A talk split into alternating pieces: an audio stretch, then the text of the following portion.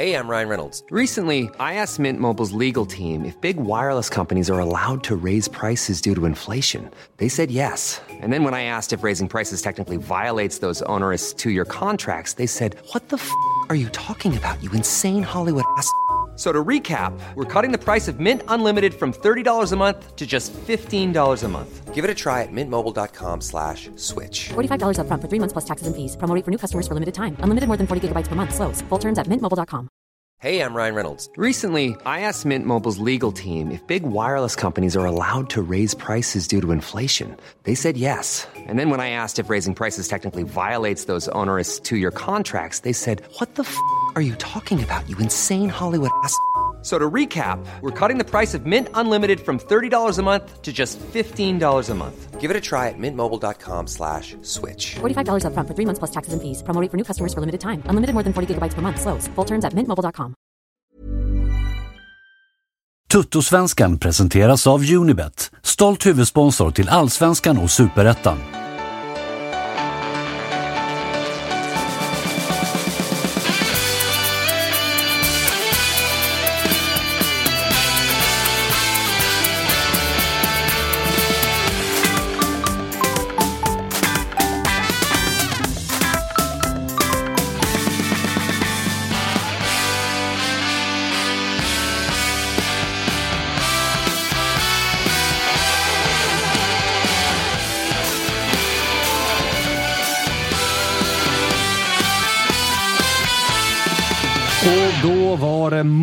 Måndag igen. En, eh, om ni frågar mig, totalt värdelös jävla måndag, men vi säger välkommen till Toto-svenskan. Kalle, jag blev lite gladare när jag såg dig.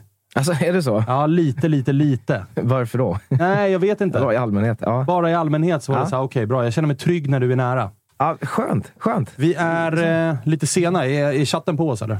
Alltså, är vi det ens? Ja, vi är Jag två minuter fan. sena, vill jag berätta för dig. Jaha, vi har inte samma... Den här franska datorn ligger två minuter tidigare. Ah, du jobbar ja. efter den. Jag jobbar franskt. Eh, fan vad fint. Du, vi har ett rörigt men roligt förhoppningsvis program eh, framför oss ju, eller hur? Spännande. Ja, jo, jo. För fan, det har jag hört. Eh, vi ska se hur vi reder ut det här. Det kul. Ja, det, tekniken behöver vara med oss och folk behöver ha mottagning, för vi ska ringa en väldans massa. Ja, då hoppas vi be till gudarna att den är det. Eh, vi säger välkommen till eh, gäster som är fysiskt på plats också. Freddy Arnesson i vanlig ordning. Du kommer in och är eh, glad och solig och mår som en kung och livet leker. Ja, ja, det har ju varit så senaste veckorna. Eh, sen kan vi ju be chatten också hojta när Djurgården-Kalmar är slut. Den eh, var ju jävligt lång igår. Det pågår ju än i- fortfarande Så pågår de det. kan gärna hojta när den, när den är slut och vi fick tre poäng. För det visste man att ni skulle få, era jävlar. Ja, fan, det satt ändå långt inne. Nej, men sluta. Att de lyckades peta in två baller där på slutet, det var lite stressigt. Det var länge sedan man kände nerv på läktaren som man gjorde igår. Ja. Sista 13 där övertiden var inte rolig. Här har du såret. Det är bara att fortsätta hälla salt i det, för det är en känsla jag inte haft på väldigt, väldigt länge. Nej, nej men det, du vet, det går i vågor. Du eh, försöker trösta mig nu. Ja, man är på en lång våg här. Segervågen. Surfar Ja, segervågen, din jävel. Eh, Malin Wahlberg, välkommen till eh, Toto-svenskan. Tack så mycket, kul att vara här. Direkt från Sportbladet. Du var också på eh, Tele2 igår. Eh, du har också gått innan slutsignalen märker vi. Ja, precis. Eh, direkt från gymmet till och med. Nu hänger jag ut Josip här, men han messade i morse och frågade om jag kunde vara med och sen eh, sa han att det var imorgon. Och sen får jag ett samtal för en timme sen. Kan du, kan du komma idag? För jag sa fel dag. Så det var direkt från gymmet. Så lite eftersvettning här. Men Tele2 igår ja. Det var, man hade ju börjat packa ihop när Kalmar kom igång där. Så att, då fick man sätta sig ner igen. Och, Jobbigt det där när... Eh, alltså det, det vet man ju själv. Jag har också gjort den typen av jobb. Jag gjorde det för svenska fans. När det händer grejer. Så man vill ju gärna vara ute snabbt med texter. Och så ska de spela in i 800 minuter. Och man sitter där och bara blåser av någon gång. Ja, men precis. Vi gör ju flashintervjuer eh, direkt eh, efter slutsignal nere på planen. Så att, eh, vi brukar lajva matcherna, men lämna typ fem minuter tidigare så att man hinner liksom förbereda sig och gå ner eh, till flashen. Så att, det var ju jag hade verkligen packat ihop datorn när det var så här, "Ah, nu blir det 2-3 här. Nu kanske man ska sätta sig ner igen. Och som sagt 103 minuter eller vad det var. Så Han la ju det också på så här fem minuter till. Det var ju Ah, det nio var- minuter. Det var... Det var frustrerande på läktaren kan man säga. Ja, Klitte hade en tuff dag på jobbet igår. Det hade han. Det var det fler som hade. eh, nämligen mannen som har den märkligaste stavningen på Kasper, som inte ens heter Kasper. Någon, eh, liksom, han heter ju Kaspar, som höll till på Friends igår. Vi ska prata om eh, Djurgårdsmatchen med eh, er två och vi ska också prata om AIK-matchen. Det får ni gärna haka på och prata om ifall ni vill. Jag gissar att Freddy har en hel del att, att eh, säga om den. Även om du inte såg den så gissar jag att du, det här med salt i sår och sånt vill du väl Ja, ja man, har, man har ju kollat skottstatistiken, så då har man någonting att komma in med. Det brukar räcka. Men vi eh, ska faktiskt börja med att ringa ner, eh, eftersom att vi behöver ringa mycket idag, Kalle. Ja. Så, så ska vi faktiskt börja med att ringa ner till eh, Spanien och kolla hur det är Mm. med August Spångberg. Han är ju som bäst när AIK är som sämst, August. Det måste vi ju Jo, ge Ja, honom. men det ska han ha faktiskt. Han är ja, absolut. känslorna utanpå hela Mm. den grejen. Så vi ska kolla hur han mår. Han ser ut att må bra i alla fall, August. Hur är läget? Hör du något eller? Eh, dåligt ljud. Vi ska se här om jag lyckas eh, ansluta hörlurarna här. Ja, det, det kan ju vara en fördel att göra det. Nu så. Nu hör du Nu så. eh, bättre. Fan vad fint. Du ser ut att ha det bra. Ja, men jag kämpar. Fan, jag får, eh, man får göra det bästa situationen. Men när, eh, när AIK går som de gör så får man försöka, försöka hitta lite annan, annan glädje här i livet. Och, och det här är väl helt okej. Eh, så att, eh, jag mår väl okej efter omständigheterna, får jag säga. Vad eh, säger du efter gårdagen? Eller vill du prata gårdagen eller vill du prata liksom situationen just nu som är i AIK? Ja, men om, om vi lite kort börjar kring gårdagen så, så får man väl ändå... Hur deppigt det än må vara så får man väl ändå säga att det någonstans var ett steg framåt jämfört med, med, med de matcherna som har varit innan det. Eh, så på det sättet, Grässes, eh, kom det in en liten, eh, en liten vätska här till mig också. Ja, det kan behövas.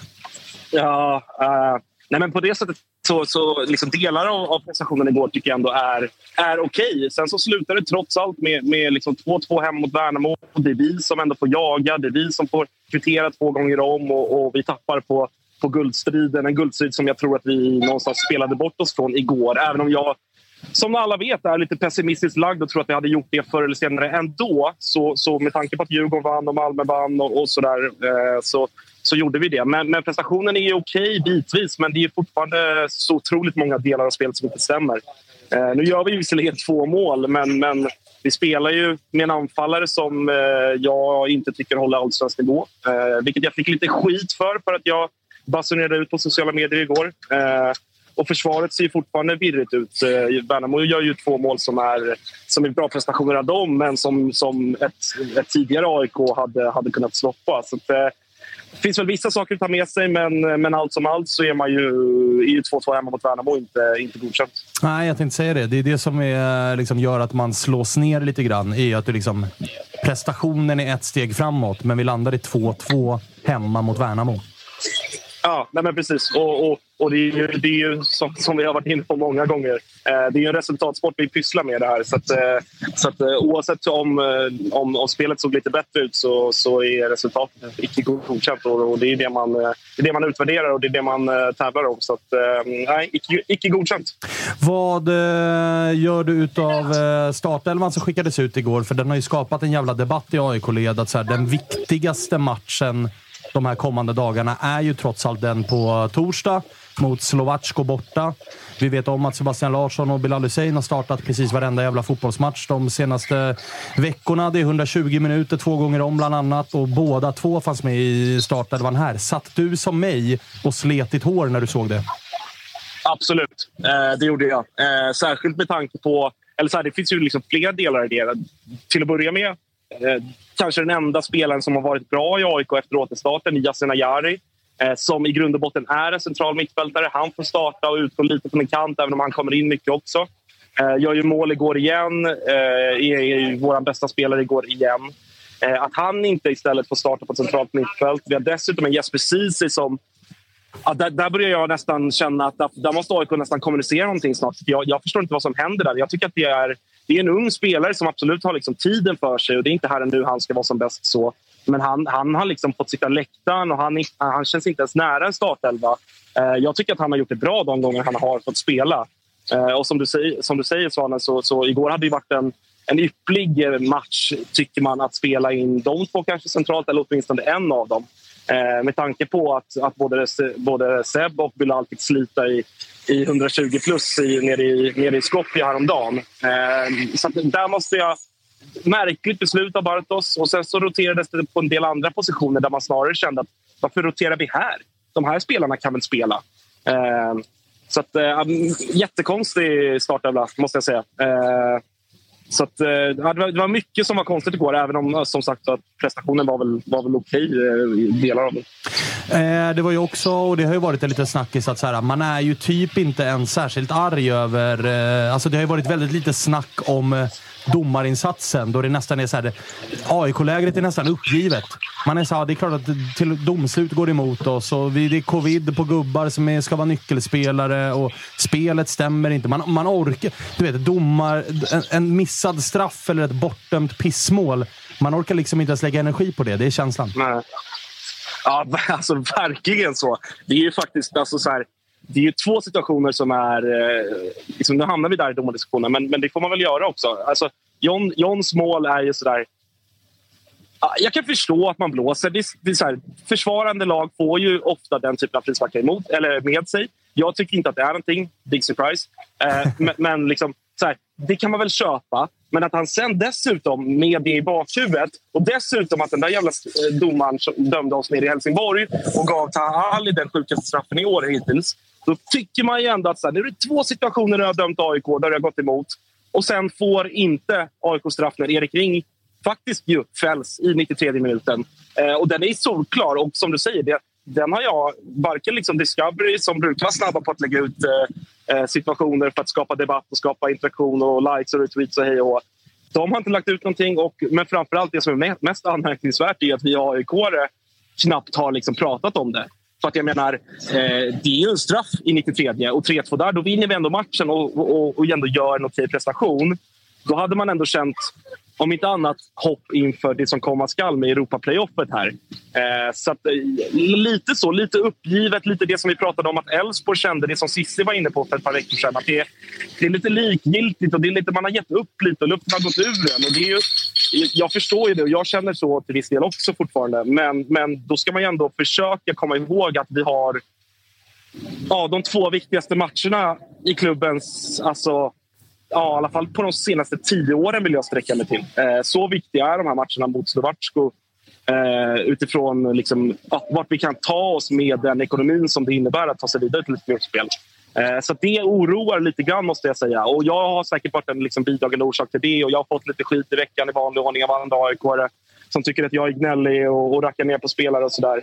Eh, och jag, jag, kan köpa det. liksom. Eh, så vi, vi, har ett, vi har en jävla uppgift framför oss här nu, alla AIK, att någonstans försöka knyta näven i fickan och, och liksom Ja, så, vi, vi, har problem, det tror jag alla AIK kan enas om. Men, men, vi får någonstans försöka lägga det åt sidan, åtminstone de här två veckorna som kommer.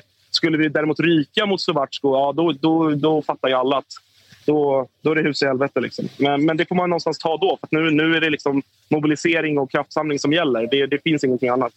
Vad går du in med för känsla då inför det här dubbelmötet? Det är ett motstånd man vet väldigt lite om. Det är, det är inte så att man kollar tjeckiska ligan eh, var och varannan eh, helg direkt. Så att, men, och jag menar så här, kollar man oddsen, de är ganska jämna. Kollar man eh, transfermarkt, truppvärde, så ja, du vet, våran trupp är högre, nästan dubbelt så högt värderad som deras trupp och, och lite sådana där grejer. Det ger väl ändå någon form av hopp, eller?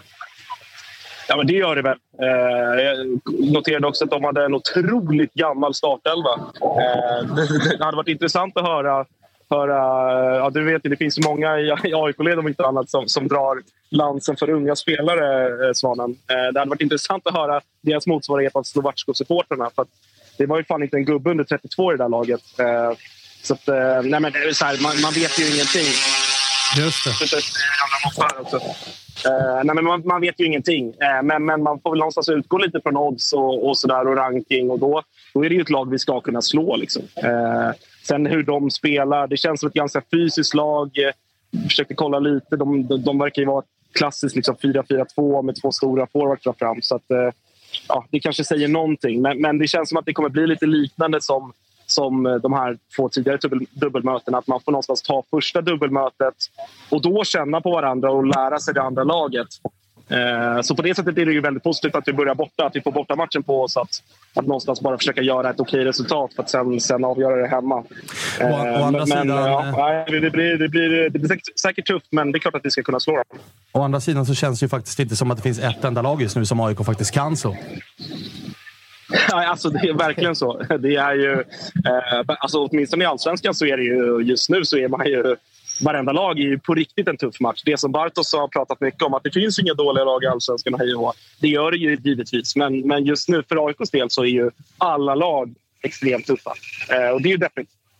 Det förstår jag verkligen. Du, eh, vi ska tugga vidare genom det här avsnittet. Det var, det var kul att se dig. Saknar dig lite grann. Ja, ja fan, eh, jag kommer hem om, eh, om några dagar, Svanen. Då får vi, då får vi ses igen. Kalle, du ville flika in något? Ja, men jag ska bara hälsa från eh, chatten också, August. Eh, de, de hälsar att du har en otrolig Djurgårdsaura just nu faktiskt. Fan, välkommen Ja, men in i jag- familjen. Vad sa Fred- Vad sa Fredde nu? Han sa välkommen till familjen, den grisen. Ja. ja, men man får ju, man får ju, när man är här nere på, vid Medelhavet va, då får man eh, dra på sig skjortan och lite sånt där. Så, att, eh, så kan det vara. Men eh, skit på er chatten då, att jag hälsar tillbaka. Ja, bra det. Du, eh, eh, kika djupt ner i den där flarran då, så hörs vi. Vi hörs då. Hej, hej. Fan, det är ju tuff, tuff, tuffa tider för August. Ja, men tyckte ändå att han, han kändes ändå eh, ganska positiv. Han såg ju inte ut att ha det dåligt i alla fall. nej. Han överlever nog. Jag tror att han hade mått sämre om han hade varit här och sett det på plats. Ja, så är det väl säkert. Du var väl på plats igår? Ja, jag var på plats och ni ser ju hur jag mår. Alltså, det, det, det, jag sa det innan, det är bra. lite olika energi på er två just nu. Ja, Men sen undrar det. man hur långt det ska gå. Liksom, för ni har inte mått så jättebra senaste tiden, även fast man liksom går och vinner någon match med 1-0 och sådär. Och, så här, kommer liksom ett Europaspel, är det, liksom, är det Bartos räddning eller kommer han liksom eventuellt få gå efter året Alltså, ändå? det- Liksom, om AIK, liksom, så här, hamnar AIK trea och går till liksom, Conference League, det är ju fortfarande här, och kollar man pappret en bra säsong, men liksom, Ja, hur, hur, hur kom man dit och liksom, hur spelade man sig till sig de där poängen? Så men kanske det- liksom ändå är... Så för är man, man, följer ju, man följer ju liksom debatten, inte med jättemycket vemod. Det är ganska roligt att läsa. Liksom, Åh, Bartos kvar eller Bartos. Så att, så här, ska, ska, ska han bli räddad för att han kommer till Conference League? Eller är det liksom dags ändå Det att kika på ett nytt ju, namn? eh, det är ju lite så här identitetskrisvarning såklart. Och det är klart att allting är ju relativt. Alltså det finns argument för att AIK kanske borde eh, göra en förändring. Eh, Det finns argument för att man kanske inte borde göra det. Alltså, man ska absolut inte glömma att Bartos kom in sommaren 2020. Det är inte länge sedan. AIK är på väg ur. Sedan dess har han kommit, eh, liksom, tagit lika många poäng som svenska mästarna sitt första riktiga år. Det andra året är han fortfarande häng på topp tre och är två gånger 90 från ett gruppspel i Europa. Något som AIK inte har varit i sedan, sedan 2012. Så att jag menar, resultatmässigt så har det ju än så länge levererats. Men jag tror att alla ser att det Men sättet det har levererats ja, exakt, på. Sättet det har levererats på. Och så här, förra året, det, det, stunder där det var riktigt bra. Men alla har ju sett att utvecklingen snarare går åt fel håll än att det går åt rätt håll. Och då är frågan så här, hur långt ska man låta det gå så då? Mm. Alltså hur långt ska bara ett resultat vara det enda som är det viktiga? Är det här bra? Kan AIK spela den här fotbollen och dessutom göra försäljningar på, på offensiva spelare när vi knappt gör några mål, knappt skapar några målchanser? Om vi har investerat jättemycket pengar i en John Guidetti som ska få en målchans per match. Liksom, är det rätt väg att fortsätta framåt? Så att det, det är snarare, det, det, och det tror jag det är det som AIKs ledning brottas med just nu. Att så här, hur länge ska det få fortsätta se ut som det gör? Ska vi tillåta oss att bli åtta? Ska vi tillåta oss att bli nia? Alltså är det, och det, det, för att det, det, det är så det ser ut just nu. Att AIK kommer få... Fortsätter det se ut så här så kommer inte AIK ha någonting med en topp tre-placering att göra i Allsvenskan. Det tror jag att alla är, är ganska övertygade om. Sen är det som du säger, säg att han löser gruppspel då. Vad gör man då? Mm. Ska man doja en tränare som har löst ett gruppspel, första gruppspelet sedan 2012? Är det exakt. rimligt? Ja, exakt. Och det är så här, då är han ju ändå så här, någonstans där så har han ändå lyckats på pappret. Men det är ju som vi pratar om. Liksom så här, hur sker leveransen? Man hade liksom problem med Skendia, liksom både hemma och borta. Man vinner ingen av matcherna. Ja, man leder inte ens matchen. Exakt, man vinner på en straffläggning. Det är kanske en match man, man ska gå och vinna. Men å andra sidan så här, gnetar man till sig de där tre poängarna i allsvenskan. Och det var nära igår också att det hände igen. Och man kanske kommer till Conference League. Och... Sen tror jag också AIK, så här, det är inte ett jätte jättestor liksom, generationsväxling. Men det är liksom, kanske börjar bli dags liksom, för en Seb Larsson och en Ja, och den kommer och- den kommer ju att ske här i vinter. Exakt, och man har Alltså. jätteintressanta namn i Collins och Ajari visar sig fortfarande, alltså redan nu liksom var han, var han en spelare som, som ska lira i startelvan och startade med Fatta igår på topp. Ja, och där finns också alltså, eh, Collins är där och i 18. Dubbel A, och, eller trippel A menar jag. Exakt, så att det, finns ju, det finns ju absolut potential att göra det bättre i den där truppen. Vad känner du Malin kring AIKs situation det här året? Ja, men det är väl som alla andra. Det har ju inte sett bra ut på väldigt länge nu, eh, sen Jordan Larsson försvann egentligen. Eh, Sen, jag vet att Bartos fick ju frågan om man gör det för enkelt för sig och säga liksom, det är klart att det inte bara handlar om Jordan Larsson, men han gjorde uppenbarligen väldigt mycket för AIKs offensiv. Och sen nu har ni lite skadeproblem och det är covid och det, är liksom, det har varit mycket in och ut. Vad händer med Bahoui? Han har ju knappt spelat eh, de senaste matcherna, mycket fram och tillbaka.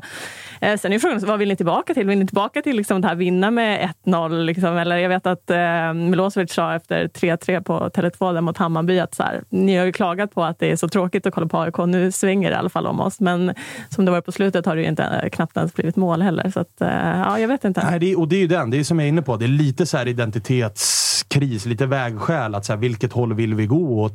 Just nu så är vi inne i, i ett så här mellanmjölksläge där vi varken är offensiva och skapar mycket målchanser, men vi släpper till ganska mycket målchanser. Och det känns verkligen som att målen vi gör är snarare individuell briljans än att så här, ett offensivt böljande spel som ger utdelning alltså systematiskt i matcherna. Så att det, det, det är en jävla märklig situation. Och så här, jag förstår att det är en märklig situation också kring diskussionen kring Bartos i och med att det verkligen är, som du är inne på Malin, det finns ju förmildrande omständigheter till varför det inte har sett så bra ut. Alltså om du blir av med, med Jordan Larsson, du blir av med Nabil Bahoui som går sönder, Milosevic är borta tre, fyra veckor, eh, John Guidetti har inte spelat fotboll på länge. Alla fattar att det kommer ta lite tid.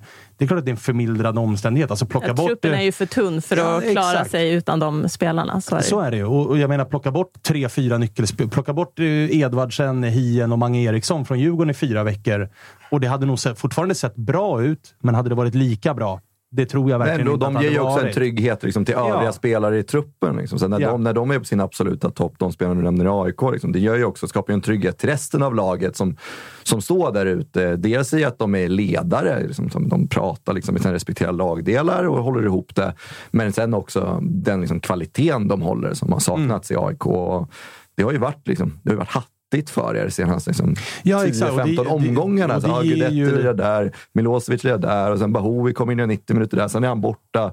Alltså det är ingen kontinuitet som vi Nej, pratade om i och det, och fredags det finns ju, Och det är ju verkligen förmildrande omständigheter för Bartos till varför spelet kanske har hackat. För att det har varit bärande spelare som har varit, som har varit borta. Lustig har haft sina pro- skadeproblem också. Så det, det är en sån jävla märklig situation. För att man går verkligen som supporter och i så här, man tänker ju på, på när det går dåligt och när det går bra. Då är man ju verkligen inne och tänker på det hela tiden. Och man är verkligen så här 10 minuters perioder av att allt är åt helvete. Och så är man tio minuter senare så här Fan, vi har dubbelmöte från gruppspel i Europa mot något tjeckiskt jävla dassgäng. Alltså vad fan, det är väl inte så jävla, så jävla farligt. Ja, men man det brottas ju med två tankar i Ja, huvudet alltså samtidigt. det- Bara, ena är bara skit och sen blir det så här, ja, det, är ändå, ser ändå rätt bra ut. Och sen nu, lite som August var inne på också, det är ändå fem poäng upp nu till eh, Djurgården och vinner Häcken och då är det sex poäng upp till, till första platsen. Det är ändå ganska mycket med, vad är det, 12 omgångar kvar, eller 11 omgångar kvar. Så att det kan ju bli tufft eh, Mm. Ja, såklart. Alltså, guldtåget gick nog. Eh, det är en tredje plats man kommer behöva, man kommer behöva sikta in sig på. Men så här, på något sätt så är det ju nästan skönare för en själv typ 2020 när allt gick åt helvete. För då är det så här, okej, allt är skit. Det är åt helvete. Mm. Nu är det, nu, det är verkligen så här, å ena sidan och å andra sidan. Och de unga är lovande, men de äldre tappar. Och Europagruppspelet finns där, men vi haltar spelmässigt. Så att det, det, Det kan är... ju svänga eh, fort. Ja, Om en kan vecka kan vi sitta verkligen här och. Djurgården är ute ur Mm, Europaspelet är och ni är piss. vidare i gruppspelet. Det är, Ja, det är ju verkligen räddningen just nu. Sen en jävla eloge till Kim Hellberg som var med och surrade också i fredags. Liksom. Men de gör, de gör det ju ändå bra på, på Alltså, de, Friends. de tar liksom. bara Och på sina målchanser. Det är två bra mål de gör. det- Antonsson, liksom, så otrolig. AIKs ja, men Han alltså, ju så- alla helt Stockholmslag nu. Ja, ja, han är sån jävla form på honom. Och, så här, AIKs signum har ju varit defensiven senaste åren. Alltså, AIK liksom, förra året, året innan, släpper ju inte in de där två 120 baljorna. om jag får be. 120 år har det varit signum. Nej, men det är som så här, och som så här, all cred till Värnamo som kommer att göra det jävligt bra. Det är inte heller liksom AIK som är urusla. Värnamo är också ett bra fotbollslag och verkligen så här, verkar ju gilla de här matcherna mot ja, men uppenbarligen stor, alltså Stockholmslagen. Alltså, de har gjort det bra. Deras, man satt ju verkligen och tänkte, de kom ju dessutom till de här Stockholmsmatcherna med ganska dålig form. Eh, Men så kliver de in och inleder väl med att möta oss. Torskar med 3-2, men alla som såg den matchen och alla som De hade följer mycket väl kunnat bli Allsvenskan- 2-2. Ja, de hade mycket väl kunnat vinna. Det är två stycken tavlor som gör att AIK vinner den matchen. Efter det spöar de Bayern på Tele2. Det är inte alla som gör. Och Eh, hemma Bayern också. Ja, och så eh, tar de poäng utav er och så tar de poäng utav oss. Mm. Så att, jag, menar, det är ett par jävla veckor Värnamo har gjort. Så det, det är bra att du tar upp, för det ska, det ska lyftas på hatt och för Kim Hellberg och det han har gjort där. Och det är också kul att han vägrade ju ge det till sig själv. Med Mm. så här, am, vi var inne på att han får anfallare att göra mål. Nog fan kommer Antonsson till Friends U2. Mm, det är otroligt. Alltså, det är, han måste vara den formstarkaste spelaren tillsammans med Jeremejeff om vi kollar på anfallare. Och, Ja, Jeremejeff har ju till och med tappat lite nu. och, och att så här, inga andra lag var där och högg. Alltså ingenting mot Värnamo, men kanske liksom ett Häcken hade han gjort det väldigt bra i. Ett, jag menar så här, kolla Helsingborg, kolla Sirius. Alltså att ingen var intresserad av honom, utan han hamnade i Värnamo. Det är här, no offense mot Värnamo, men jag tror hade Sirius kommit med ett kontraktsförslag, hade Helsingborg gjort det, och gjort det så hade han ju varit där. Troligtvis Ja. eh, varit där, ja. Men det Så kanske att- är just Hellberg som har, för han snackade om det, att det, eh, han trivs otroligt bra med honom. Så det har nog gett honom det där lilla lyftet också. Där. Är man anfallare så vill man nog gärna ha Hellberg som tränare. För att uppenbarligen gör han, vi pratade om det i fredags ju, att säga Adegbenro, Totte Nyman, Jordan Larsson i Peking, nu Antonsson. Och alla de, frågar man spelarna så är de, pekar ju de på Kim Hellberg. Medan Kim Hellberg valde ju att vara ödmjuk när han var med oss i fredags och pekade på att äh, det är spelarna som är, som är så jävla bra. Men någonting gör han ju uppenbarligen ruskigt, ruskigt bra. För att Antonsson trivs ju som fisken i vattnet där. Ja, ja, verkligen. Och bara tänk dig liksom om, om de kan få en 5 till 7 miljoner för honom i vinterfönstret. Tänk dig bara vad det kan göra liksom för en ekonomi som Värnamo. Liksom, det ger helt andra förutsättningar för dem. Visst, de får jättefina tv-pengar för att vara en klubb i den storleken. Och, Och har ju cashat in lite på den här unga generationen de hade där ett tag med Baffo och Ja, Claesson och, och Hult och eh, Tern och hela den ligan. så att, så att det är också så kul också att om de lyckas kapitalisera på Antonsson också och eventuellt kanske sälja honom och se vad, vad, vad de skulle kunna göra med de pengarna också i Värnamo. För det tror jag de skulle kunna göra jättemycket bra saker för. Så är det definitivt. Hörrni, vi eh, släpper matchen som var på Friends, för att nu orkar jag fan inte tänka på den mer. Och så kan väl eh, Freddy få vara lite glad, för vi byter eh, arena, men vi befinner oss fortfarande i Stockholm. Den är Ju- slut nu va? Ja, den är, Ja. Har vi fått pling, eller? Perfekt. Den är slut. Ja, 3-2. Ja, bra, då kan vi hoppa över till den då. Djurgården mot Kalmar, och jävlar vad det var körning inledningsvis.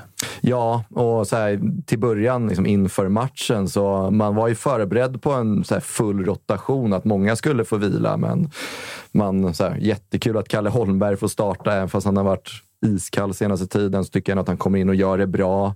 Vi har ju eh, Ja, vilka har vi mer Danielsson som kommer in Danielsson som högerback. Man trodde inte Piotr skulle få titta till bänken. Och sen så har vi Banda och Sabovic från start. Har inte lirat en match, inte en minut för Djurgården ännu och kommer in och gör det jättebra. Så att man, man, man, man var ju orolig innan också. Så här, vi torskade ju borta mot Kalmar och man vet vad Henrik Rydström ändå är kapabel till att göra med sina lag. Och det var lite som han sa efter matchen också. Att vi trodde att vi kunde komma upp och störa Djurgården för att de är rätt hårt matchade. Och Rydström är ju en tränare som brukar kunna utnyttja sånt till sin fördel. Mm.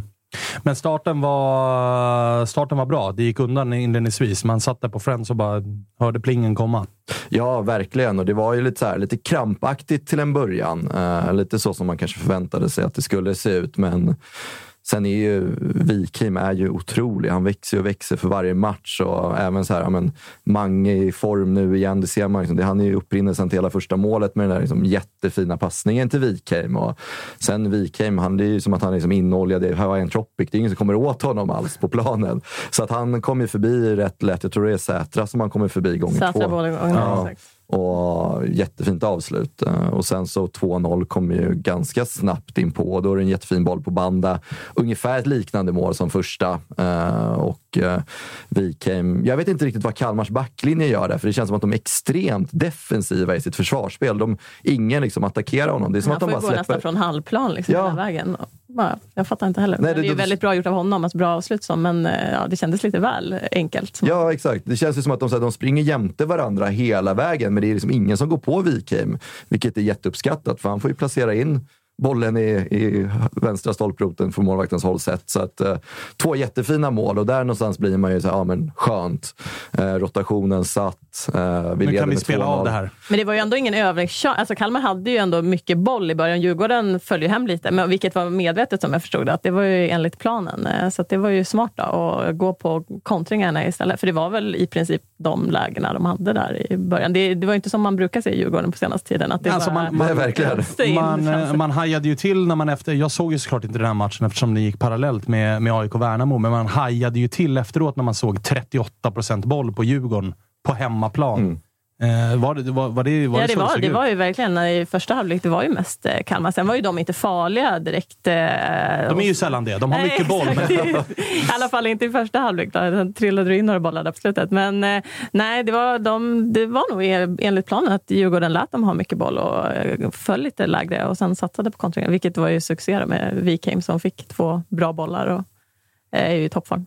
Ja, det är som du är inne på också. Kalmar hade ju också chanser i första halvlek. Det hade mycket väl kunnat bli ett, två mål om de hade varit lite mer effektiva och lite mer tur och kanske inte en hien i backlinjen som står i vägen för precis allting. Men jag håller, helt och hållet med där att eh, Kalmar är inte osynliga alls. Eh, sen är det att Djurgården är mer effektiva och är inne i ett stim nu som gör att de sätter de lägena de får. Jag tror att totalt har Djurgården fyra skott på mål och gör tre, tre mål, så att det är ju jätteeffektivt.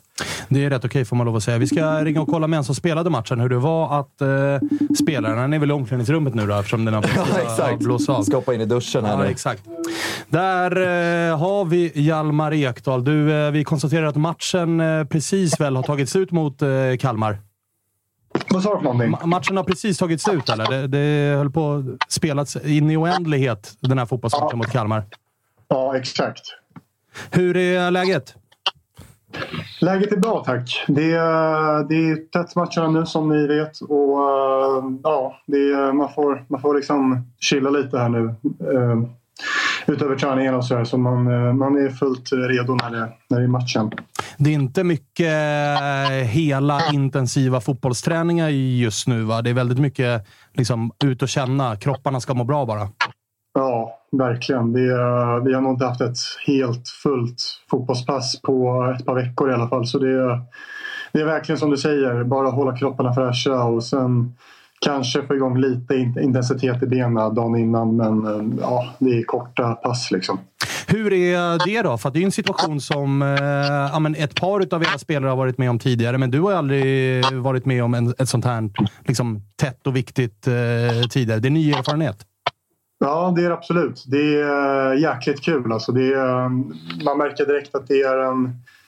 Liksom, ja, det är snack kring matcherna och det är, eh, det är många som kollar och det är, fansen tycker det är spännande och allt sånt där. Och, och vi i laget tycker också det är jäkligt häftigt att få ja, flyga till Rumänien och Kroatien och Cypern här nu och få spela coola matcher. Så det är, det är, det är väldigt kul. Eh, Så det är tur också att vi har en sån stor trupp så vi kan verkligen ta, oss- ta oss an alla matcher nu eh, på ett bra sätt. Även de i ligan också. Så äh, vi, vi är redo. Vi, vi har varit redo för det här nu och eh, vi har tagit det bra hittills. Och eh, det måste man också konstatera. Helvete vad bra ni mår just nu. Alltså det vi pratar om att det är, ni är inne i ett stäm. Alltså matchen nu senast här mot Kalmar, precis innan vi ringde dig så var vi inne på att så här, Kalmar kommer dit och har mycket boll, det är mycket publik. Alltså det, det är lätt att tänka så här. Kalmars taktik var säkerligen att få er lite frustrerade och äga en del boll. Men så pang, pang, två omställningar, två mål. Alltså det, det, det är mycket som stämmer i Djurgården nu. Ja, det är det verkligen. Vi, vi vinner ju på ett sätt som vi kanske vanligtvis inte gör när vi kontrar in två baljor i första. Och de har nog mer boll än vad vi har definitivt. Ehm, så det, det är en styrka i sig att kunna vinna matcher på det sättet också. Ehm, så ja, det är verkligen som du säger. Det är bra harmoni och som jag också nämnde innan att alla spelare är i, i liksom, toppform. Typ. Så det kvittar nästan vilka vi, vilka vi ställer upp plan. Utan det, vi vet att det levereras. Liksom. Fanns det någon eh, plan för det? Alltså jag tänker så här, rent... Eh, ja, men hur har man lagt upp sin fysträning? Fanns det liksom en plan inför säsongen att de här veckorna på året ska vi vara som allra bäst. Vi ska inte ha några skador då och vi ska vara i våran topp. Man kanske tränade ner sig lite grann under, vad vet jag, under det här uppehållet som var. Eller, eller berätta själv, liksom. fanns det en plan? Ja, nej, men vi har ju egentligen sedan eh, starten i vintras snackat om att vi ska ut i Europa och att det kommer bli jäkligt tufft då. Eh, så våra tränare och vårt fysteam har ju varit medvetna om det här länge och antagligen byggt upp oss inför det här. Eh, och det, där får de stort, där ska de ha stort cred verkligen. Vi, ehm, peppa peppa tar i men vi har fan inte mycket skador. Alltså. Det är ehm, som jag sa också, att nu, det är nu formtoppar vi nästan. Så det, nej, de har ju tajmat in det där perfekt och ehm, ja, det går liksom inte att, att klaga på någonting egentligen.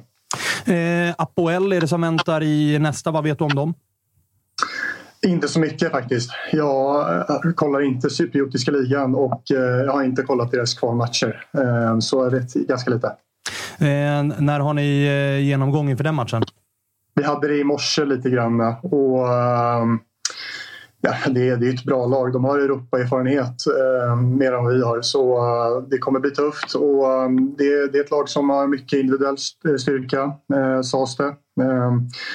Eh, vi kollar på lite klipp och verkar vara mycket, mycket inläggsspel på tunga gubbar. Så det, ehm, det kommer bli tufft. Tjena Hjalmar, Freddy här.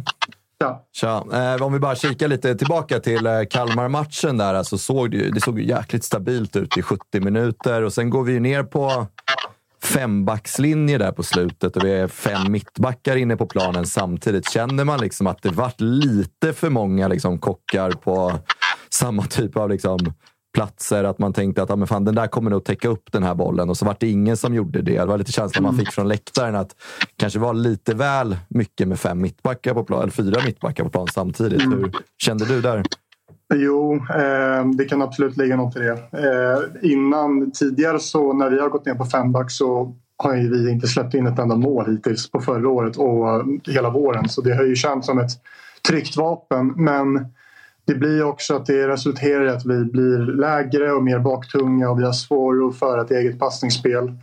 Eh, så det var lite otydligt där med hur vi skulle pressa. Några ville kliva högt och några ville falla lite lägre. Så det, det var rätt osynkat och ehm, ja, med så många mittbackar och, och liksom att det blir lite baktungt. Det, det är liksom, då, förstår, då förlorar vi vårt offensiva spel. Och ett offensivt spel är egentligen det bästa försvarsspelet så länge vi kan hålla i bollen. Liksom. Så det, det var inte riktigt eh, ja, det var inte riktigt eh, jättebra. Eh, sen kan det ha med att göra att vi varit trötta i skallar och ben också efter, efter perioderna som varit här nu. Men eh, ja, vi, vi reder ut stormen. Ja, det var ju otroligt skönt att den här rotationen ändå satt och genererade tre pinnar. Men också när vi har haft fembackslinje innan, då har det ändå varit Piotr på högerbacken liksom, som mm. kanske trycker upp liksom lite mer på sin kant. Att nu vart det lite mer... Alltså man, man föll tillbaka när det blir fyra mittbackar och det kanske var en anledning till att de två målen kom. För innan har det ju sett hur solid ut som helst när det har gått ner på fembackslinje. Jag tror inte det släppt in ett enda mål när Lövgren har blivit inbytt och det har varit fembackslinje egentligen. Mm. Nej, men exakt som du säger. Ehm, det har varit lyckosamt innan så vi, vi är inte så himla oroliga för att fembacken inte funkar riktigt. Du, eh, en grej som jag har tänkt på när jag tittat på eh, era matcher i eh, Europa så har man, man har reagerat på hur, ja, hur mycket bröstet utåt är. Att det är tuffa, elaka, liksom lite äckliga Djurgården stundtals. Är det någonting som ni har pratat om alltså här, i de här Europamatcherna? För det man har upplevt som så här, jag som aik men också när man har följt andra svenska lag när, i de här kvalmatcherna så har det varit lite så här, be om ursäkt nästan för att man är där och lite försiktiga och lite rädda. Har det bara att göra med att ni är i en jävligt bra form och har självförtroende? Eller är det någonting ni har pratat om? Att så här, i Europa, domarna tillåter lite mer. Vi behöver vara lite liksom mer cyniska och stå upp för varandra, brösta upp sig. Blir det något litet jidder på plan, då, då, är vi där och, och backar varandra och sånt. Har, har, har, liksom, har ni pratat om det eller faller det sig bara naturligt?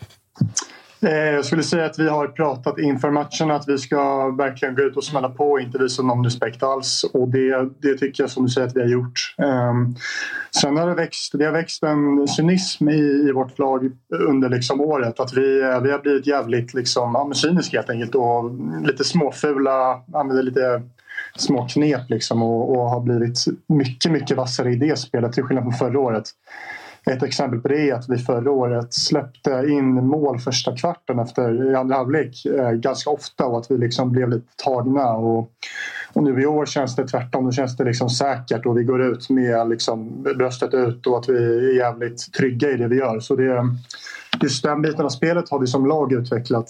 Eh, men det är väl ingenting vi har sagt speciellt att domarna tillåter mer utan det är väl mer att vi, vi har liksom sagt att vi verkligen ska ut och smälla på dem och, och det är ett sätt att visa att man är, man är där för att liksom ta för sig. Vi, vi, vi ska inte be om ursäkt för någonting. Liksom. Nej, och det uh, syns sannerligen. Du, det är jävligt mycket snack också om din uh, mittbackskollega. Eh, Hien, du har ju följt honom eh, väldigt nära i och med att du kamperar eh, ihop med honom. Men vilken jävla utveckling han har haft du. Ja, eh, helt otroligt. Eh, man såg redan förra vintern när han kom att han hade extrema liksom, ja, skills där och att han är ett fysiskt monster. Um, och nu när han har fått växa in i det och är mer trygg i liksom, sin mittbacksposition och att han inte liksom, behöver bevisa sig själv på samma sätt så då flyter det på så naturligt det bara kan göra. Så jag är absolut inte förvånad över intressena som dyker upp här. Och jag tror verkligen att han har bra potential att komma långt i Europa. Det tror jag verkligen. Är du på honom någonting om att så här, du stannar kvar ett halvår till så gör vi bra grejer här först innan du eh, sticker iväg? För att sticka iväg kommer han ju göra och det kommer väl du också göra här så småningom. Men, men det är en, ni står just nu i alla fall inför en, en potentiellt jävligt fin höst. Ja, så är det ju. Um, nej, personligen så ligger jag inte på honom om att stanna kvar. Det, ehm, jag undrar honom allt eh, som han får vara med om ifall han skulle sticka nu här efter, efter kvalmatcherna. Så det, gör han det så är det skitkul för honom. Och det, ehm, alltså så här, det, det, är svårt att vara jättekylig i de lägena ifall det dyker upp jättebra lä eh, lägen. Liksom. Så det, det, på, så, på så sätt så ja, då hade jag bara blivit glad om han, om han fick sin vilja igenom. Vad, vad, känner du för egen del då? För det måste ju locka med, med utlandsäventyr vad det lider. Och jag menar, du, är, du är hyfsad själv där bak. Ja, det, ehm, det är klart det lockar. Ehm, det är väl, det är väl eh, som det är tydligt nu att Isak är väl lite närmare. Ehm, så det blir väl kanske ingenting i sommar. Men så småningom så vill man väl testa vingarna och ja, när det händer får vi se. Jag har lite längre kontrakt också än vad Isak har så det, det är väl naturligt att han får ta steget före. Ehm, men ja, vi får se när det, om det sker och när det sker i så fall. Ehm, men det hade varit kul att testa. Hur är, hur är dialogen med Bosse där? Så dig sinsemellan och övriga spelare? För vi har ju snackat lite om eh, våra kära antagonister där borta på Södermalm. Att de kanske inte liksom, kommunicerar så mycket med sin sportchef och det uppstår situationer där spelare känner att fan, du lovade mig att jag skulle få gå och sen får man kanske inte gå för att bud var för dåligt och sådär. Hur, hur ser liksom dialogen ut med dig och Bosse om sånt där? Och känner du liksom att... att så här... Ja, men Bosse är ju som ni alla vet en jävligt liksom enkel på sitt sätt människa att bara snacka med. Du kan ju prata med honom som, som om ni vore bästa polare. Liksom. Så det är, man, man, kan verkligen fråga honom rätt ut. Hur ser det ut? Vad, vad finns det för intresse? Vad, vad säger du? Är du villig att släppa mig? Eller vad, liksom så här, de frågorna kan du ställa honom utan att, utan att det blir konstigt. Um, så på så sätt har vi en, nog alla spelare en ganska bra relation med honom. Och uh, han är ganska liksom, lätt medgörlig i de lägena också. Så det, um, ja, det, det är inget, inget fel på den kommunikationen i alla fall. Fan vad skönt. Du, eh, du hatar inte fotbollslivet just nu gissar jag? Nej, nu mår jag jävligt bra. Jag förstår det. Du, innan vi eh, tackar för att vi fick ringa så måste vi också fråga, i och med att fönstret stängde. Det var många som frågade om, eller många hoppade snarare på, på brorsan. Var du lika besviken som alla Djurgårdssupportrar på att det inte blev dubbla bröder Ekdal i eh, Djurgården här under hösten? Ja, det är klart att jag blev det. Men jag insåg det lite tidigare än vad fansen gjorde att det inte skulle bli något. Så det fick växa fram den besvikelsen. Eh, men ja, det var jävligt tråkigt. Eh, exakt varför det inte skedde är jag inte riktigt liksom, medveten om. Men eh, ja, det var väl en kombination av, av olika faktorer. Sen är det ju frågan vem han hade petat också.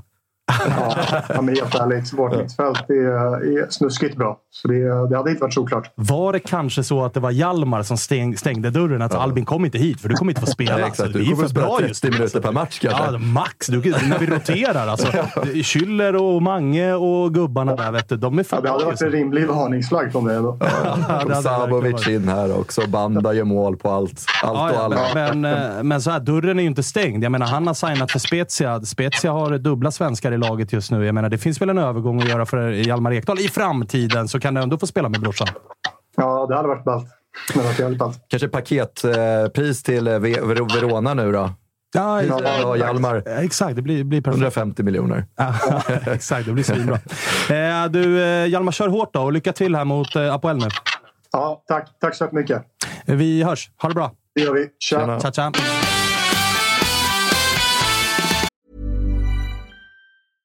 Totosvenskan är sponsrade av Aid. Och då kanske ni undrar, vad är det för någonting? Jo, det är en digital klinik för manlig hälsa från Sverige som drivs av att erbjuda seriös och bra behandling för manliga hälsoproblem. Och Det är grundat av exakt samma läkare som byggde Kry. Jag har lite koll på ungefär vad detta är, men ni funderar på behandling för manliga hälsoproblem, eller hur? Ja, nu är det 2024 och då är det så här man löser problemen. De är otroligt seriösa och väldigt diskreta. Det tycker jag är viktigt. De förser idag över 5 000 svenska män med medicin och de har 4,7 på Trustpilot med över 500 omdömen. Det är det enklaste sättet att få recept och läkemedel. Det kommer hem i brevlådan på prenumeration om man vill. Seriöst och enkelt. Det tar 10 minuter att lägga en beställning på aid.se efter att man har fyllt i ett kort formulär och de hjälper dig att välja medicinen. Din medicin ligger sedan i brevlådan inom 48 timmar. Uppföljning ja, det sker via chatt och man kan enkelt ändra hur ofta man vill ha sin medicin eller om man bara vill ha det en gång. Då kommer vi tillbaka till då, manlig hälsa. Ja, de är proffs på manlig hälsa. Så till exempel så har de effektiv behandling för eh, håravfall, viktnedgång med aptithämmande läkemedel och Lyssna på detta. Erektionsproblem. Jag vet, det är många som lyssnar på detta som har erektionsproblem och det kanske är ett jobbigt samtalsämne. Men det lyfter vi jättegärna hos oss. Har du helt enkelt problem, jag talar klarspråk, med att få stånd, då hjälper Aid dig. Det enda du behöver göra, om detta låter intressant, gå in på aid.se. Sveriges ledande digitala klinik för manliga hälsoproblem. Du måste vara över 18 år gammal och just nu får du som Toto-lyssnare fri läkarbedömning när du påbörjar din behandling på aid.se. Tänk på att aid stavas A-Y-D. Adam, Yngve, David alltså. AYD.se är det som gäller. Använd bara koden TOTOSVENSKAN i kassan. Vi säger stort tack till aid för att ni är med och inte bara hjälper många män med deras hälsoproblem utan också är med och stöttar Totosvenskan. Totosvenskan är sponsrad av MQ. Nu har kollektionen från Bleck som heter Desert Sunset kommit och den är snygg, Spången. Ja, men så är det. Vi har fått välja ut några av våra favoriter från den här kollektionen. Jag valde ju en klassisk, men för den delen väldigt, väldigt snygg linnekostym. Lite beige, ljusa färger, vårens färger. Klassiska Eh, skjortor finns, Ah, ja, ja. eh, poloshirts och så vidare. Ja, men så. Någonting för alla. Så att gå in nu hörni allihopa på mq.se eller i någon av landets alla butiker och kolla på de här nya grejerna som har kommit nu till våren. Just nu har vi en kod, TOTO20. Den ger 20% rabatt på alla egna varumärken för här om du handlar för minst 500 spänn. Bleck, Dobber, Bondelin, ni hör ju. Koden gäller till och med 24 mars. Skynda, handla. Stort tack MQ! Totosvenskan är sponsrade av våra vänner på Volt, Freddy. Det här vet jag att du är väldigt nöjd över. För att det är ett företag som har sitt ursprung, precis som du, i Finland. Exakt! Ja. Och det är så himla bra med Volt att du kan beställa mat hela vägen till dörren. Du kan beställa från din favoritrestaurang. Du kan beställa från en matbutik. Men de har ju också den här extra, extra grejen att du kan beställa blommor hem. Du kan beställa kosmetik. Och det bästa också i Volt-appen är ju att de har unika erbjudanden. kommer nya erbjudanden varje vecka. Så gör som jag och Agge och ladda ner Volt-appen och se vad just din stad har att erbjuda. Gör det nu. Stort tack, Volt. Jävla vältalig. Som alltid, precis som brorsan. Det är, det är väl pappa Ekdal som har lärt dem va? Medieträningen där, Ja, men från alltså, här, mediatränade men utan att vara tråkiga. De säger ju ändå saker och inte liksom rädda för att faktiskt säga saker. som De vet ju om att det kommer skapa rubriker, men det är aldrig, liksom, det är aldrig negativa rubriker, utan de är, de är vassa bara. Båda Nej, jag två. vet att Albin har sagt det, att, eh, att Lennart har lärt honom att det var, fan, var lite rolig och bjussig och sådär. Eh, och det är skönt med det självförtroendet, eh, men samtidigt håller de sig på rätt sida båda två. Men du Malin, känner man det när man är på Tele2 nu för tiden? Då? För du sitter ju på den där pressläktaren lite då och då. Att så här, är det en skillnad från ditt perspektiv att gå och titta på AIK och gå runt i korridorerna där och att göra det på Djurgården? Känner man av att så här, det här är en klubb som mår bra? Ja, absolut. Det måste jag säga. Det är, hela laget känns ju, det är en otrolig harmoni i Djurgården. Och som, eh, som vi var inne på, att det är så otroligt många spelare som kommer in och levererar på planen. Men de, det känns ju verkligen som att de trivs väldigt bra mm, med varandra allihopa och har en väldigt bra lagsammanhållning. Så jag tycker absolut att det är en stor skillnad. Sen ska jag säga att jag är absolut mest på eh, Kaknäs, eh, och så här, för att de är mycket öppnare också, Djurgården. Det är lättare att, att komma ut på Kaknäs än vad det är eh, eh hos Hammarby och AIK. Så att, eh, men det är helt klart eh, känslan. Det är ju också lättare, ska sägas, för klubbar som mår väldigt bra att köra lite fler öppna träningar i veckan. eh, det, det, när det blåser lite grann, då brukar det ofta bli färre och färre stänger, öppna träningar. lättare att stänga Karlberg också.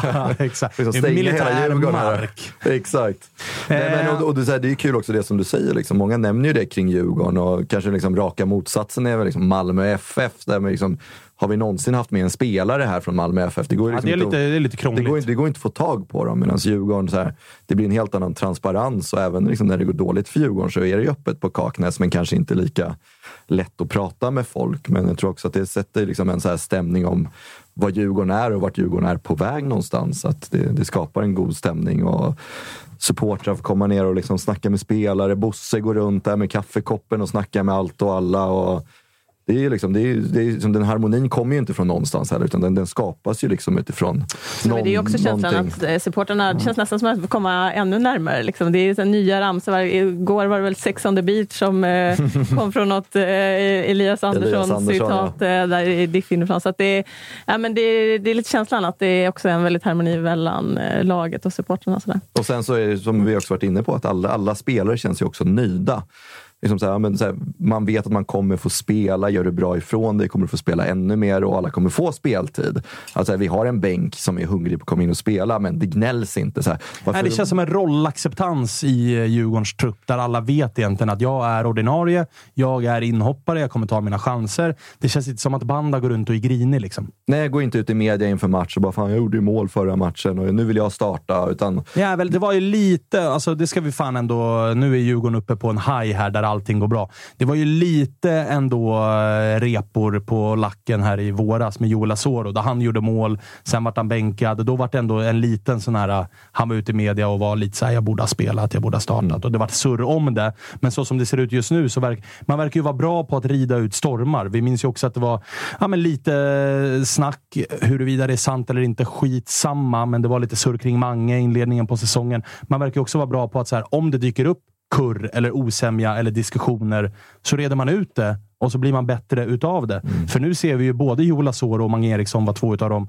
de bästa spelarna. Så att om det nu har varit någonting som skavde lite grann då, så har man ju lyckats resa sig ur det. Edvardsen var ju också ute efter 4-0 mot Malmö och då, då var han ute och var inte Just det. helt nöjd med sitt eget spel, att han inte fick några bollar och sådär. Sen har ju han verkligen lyft efter det. Så att, ja, visst, det har varit lite så. Men jag snackade med Azor om det i, i förrgår här, just med att jag har ändå haft känslan att han har accepterat det hyfsat bra, att han inte fick hoppa in så mycket. Han var så här, ah, jo men alltså jag blir ju förbannad, men jag har inte tid att tänka på det, jag glömmer bort det direkt. Så det är väl en bra egenskap då, som, Mm. som Ja, men vänder om det till något positivt istället. Alltså, nu ska jag visa ännu mer på träningen. Och så här, det, var ju, så här, det, var, det var ju lite kurr på Djurgården i början på säsongen. Och du vet, så här, de kom ut, sen kanske de bara så här, okej men det här håller vi internt, nu löser vi det här.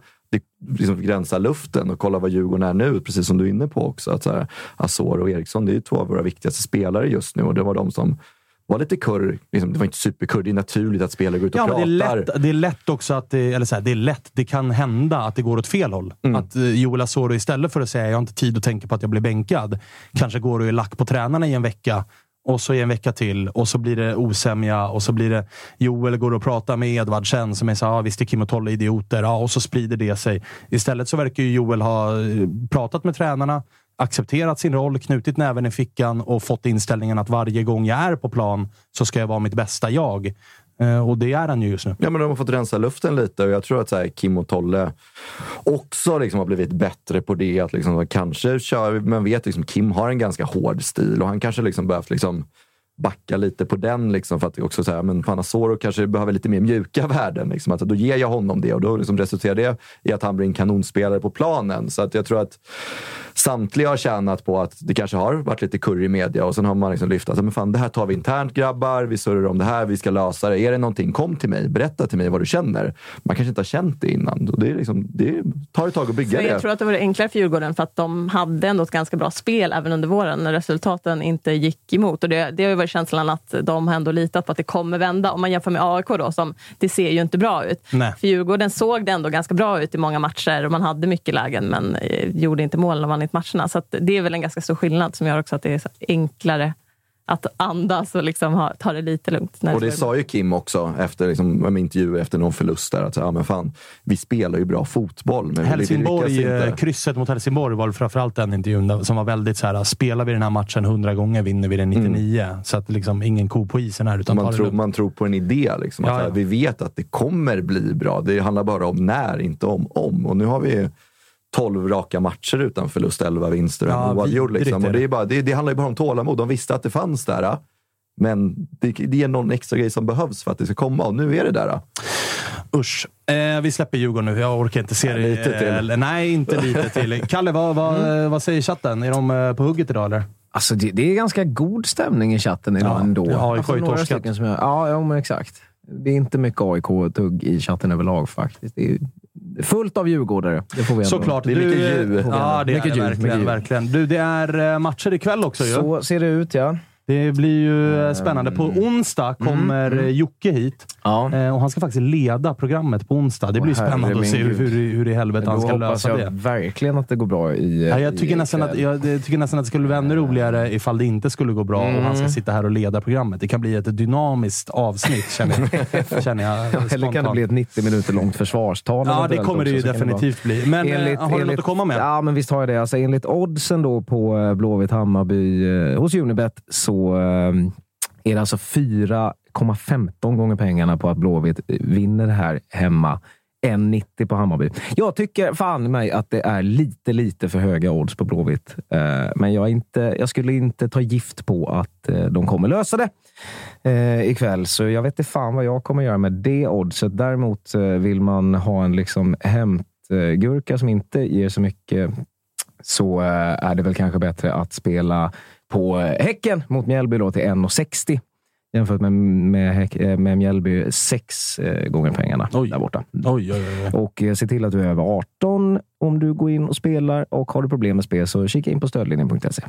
Härligt! Hörni, det spelades ju mer fotboll i eh, går och det vart ju eh, jätteväntat ett oavgjort resultat på Borås Arena mellan Elfsborg och Norrköping. Det är två klubbar som inte går jättebra.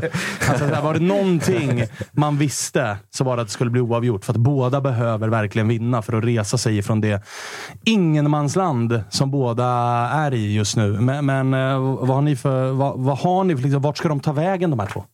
Jag vet inte, det känns spontant som att Norrköping liksom är på väg åt ett mer positivt håll än, än Elfsborg. Men man undrar ju liksom när, när det händer. För nu vann de ju ändå mot Degerfors hemma med 2-0 och man kände att de hade lite luft under vingarna. Började komma igång med Sigurdsson som förvisso gör mål igår. Men eh, jag vet inte, det är väl ganska signifikativt för två klubbar som är där de är att det blir en 1-1 och ingen egentligen tar mark varken neråt eller uppåt. Det är eh, min känsla också. Då, eh, fan med det mest givna resultat. Sen hade vi en märklig situation där Elfsborg gör 2-1 och bollen går in i mål och allt är klart. Liksom. Sen, kän, känslan är att det blir någon form av kika på en repris. Alltså att vi fick se Allsvenskans första VAR-beslut. För det dröjde så jävla länge innan de dömde bort det där målet. Jättekonstigt ju. Ja, alltså om vi har liksom Fredrik Klitte liksom, på vänstra sidan här så har vi ju liksom... Vem var det som dömde? Jag vet inte. Nej, men alltså det var ju här, typ en av de bästa domsluten jag nästan sett i allsvenskans historia. Dels här, att han liksom plockar den. Det är fjärdedomaren som plockar han sen. Det är inte linjedomaren eller huvuddomaren. Men han låter spelet fortgå. Det blir ett mål. Men att de också så här, men fjärdedomaren har någonting han vill säga här. Och liksom, tänk om det inte hade varit hans. Fjärdedomaren går in och liksom tar ett felbeslut. Det blir 1-1. Men nu, det är, ju, det är ju en solklar hans, men den är ju liksom så här, Jag förstår om man står i en viss vinkel att man inte ser den. Ja, ja, det går Men jag, alltså, jag, jag är jätteimponerad över att de liksom tar diskussionen, de pratar med varandra sinsemellan och landar i ett beslut som är helt korrekt och matchavgörande. Ja, ja, Hur var reaktionerna där? Då? Det var inga Guidetti-attacker där på domaren, eller? Nej, det var inga gula kort som delades ut i alla fall. Man Det såg var i det inte på. Friends heller. Nej, Exakt. Och det säger väl en del om hur tveksam den där domaren var på det domslutet. För att annars ska ju John Guidetti ha ett väldigt solklart gult kort. Ja, den är solklar. Oavsett eh, om det var rätt eller inte så ska han ju ha gult. Ja, det ska han eh, definitivt ha. Vi ska ringa upp Sissi och kolla vad hon har att säga om det som hände på eh, Borås Arena och det som hände utanför Borås Arena. Ja, För där det var- det det var det mest oväntade. videos och grejer. Tjena Sissi! Hur är läget?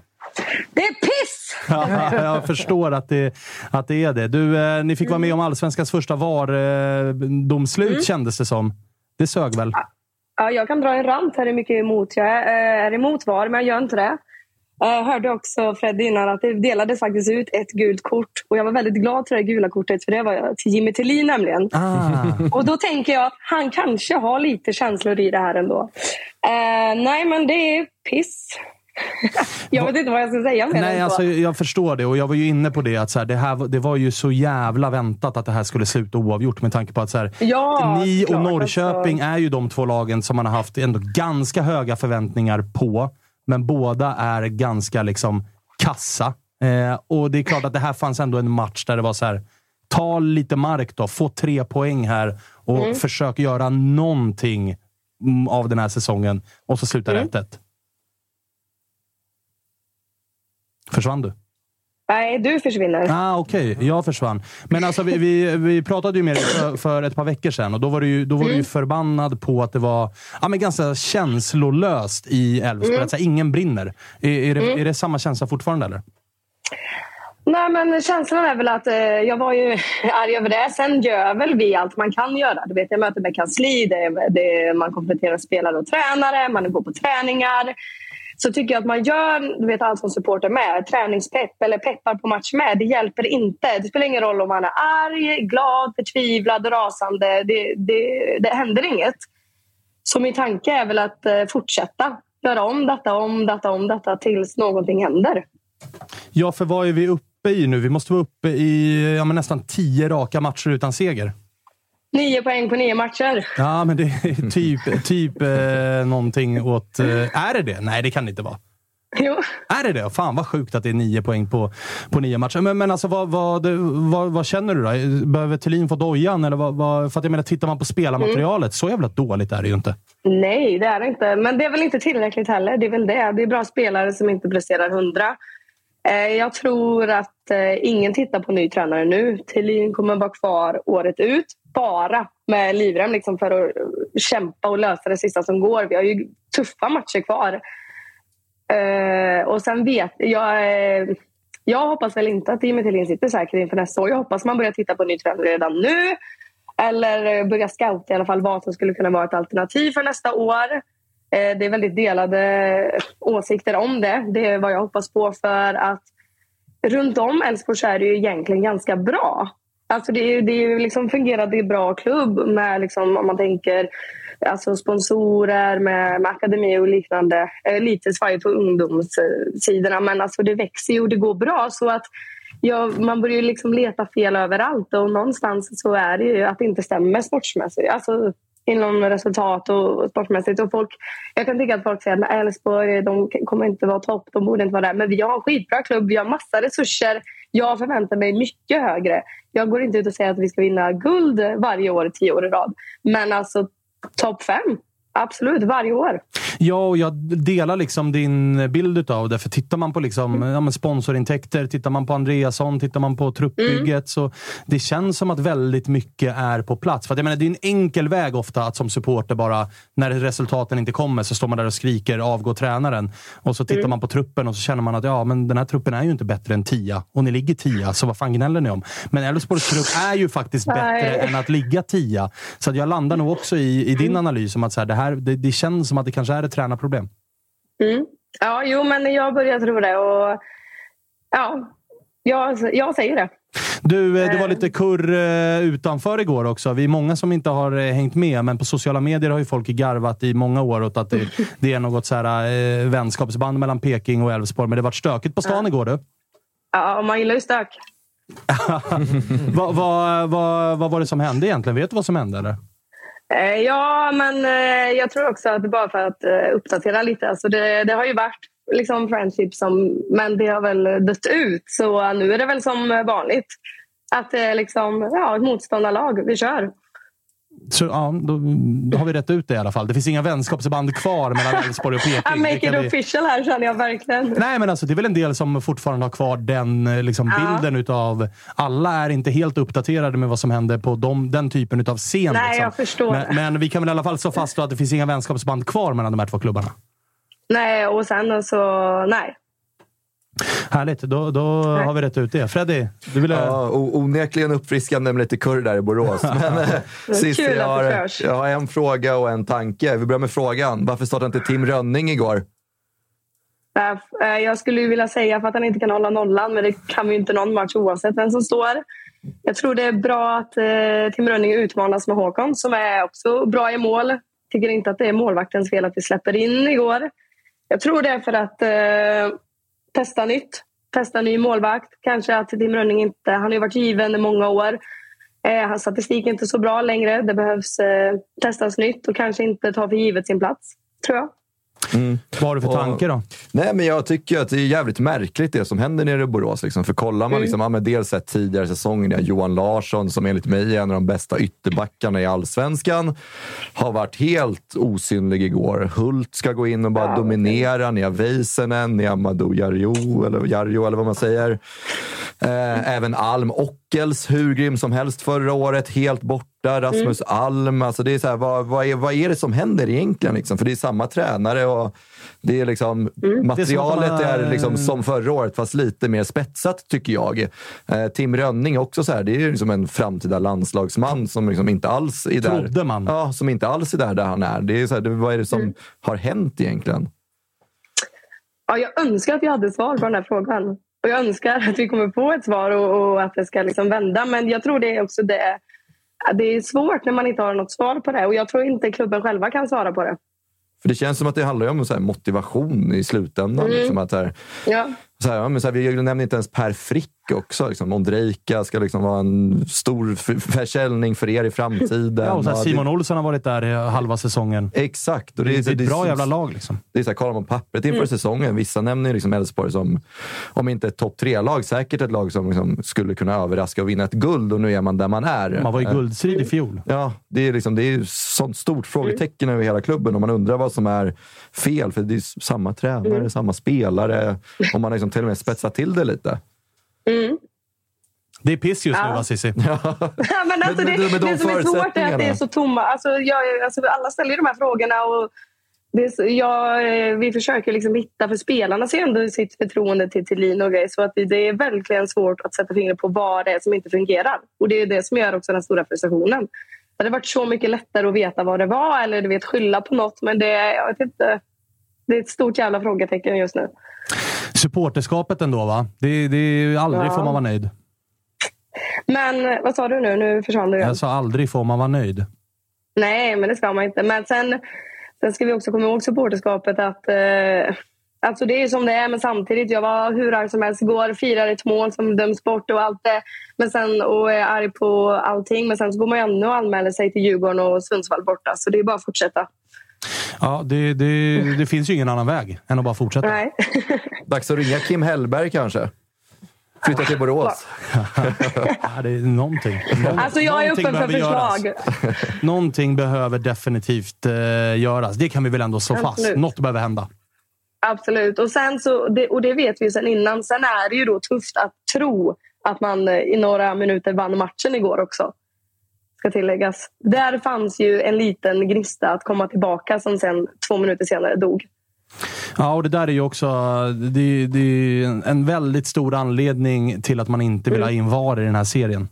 För där blir man ju Ja. rånad på konfekten.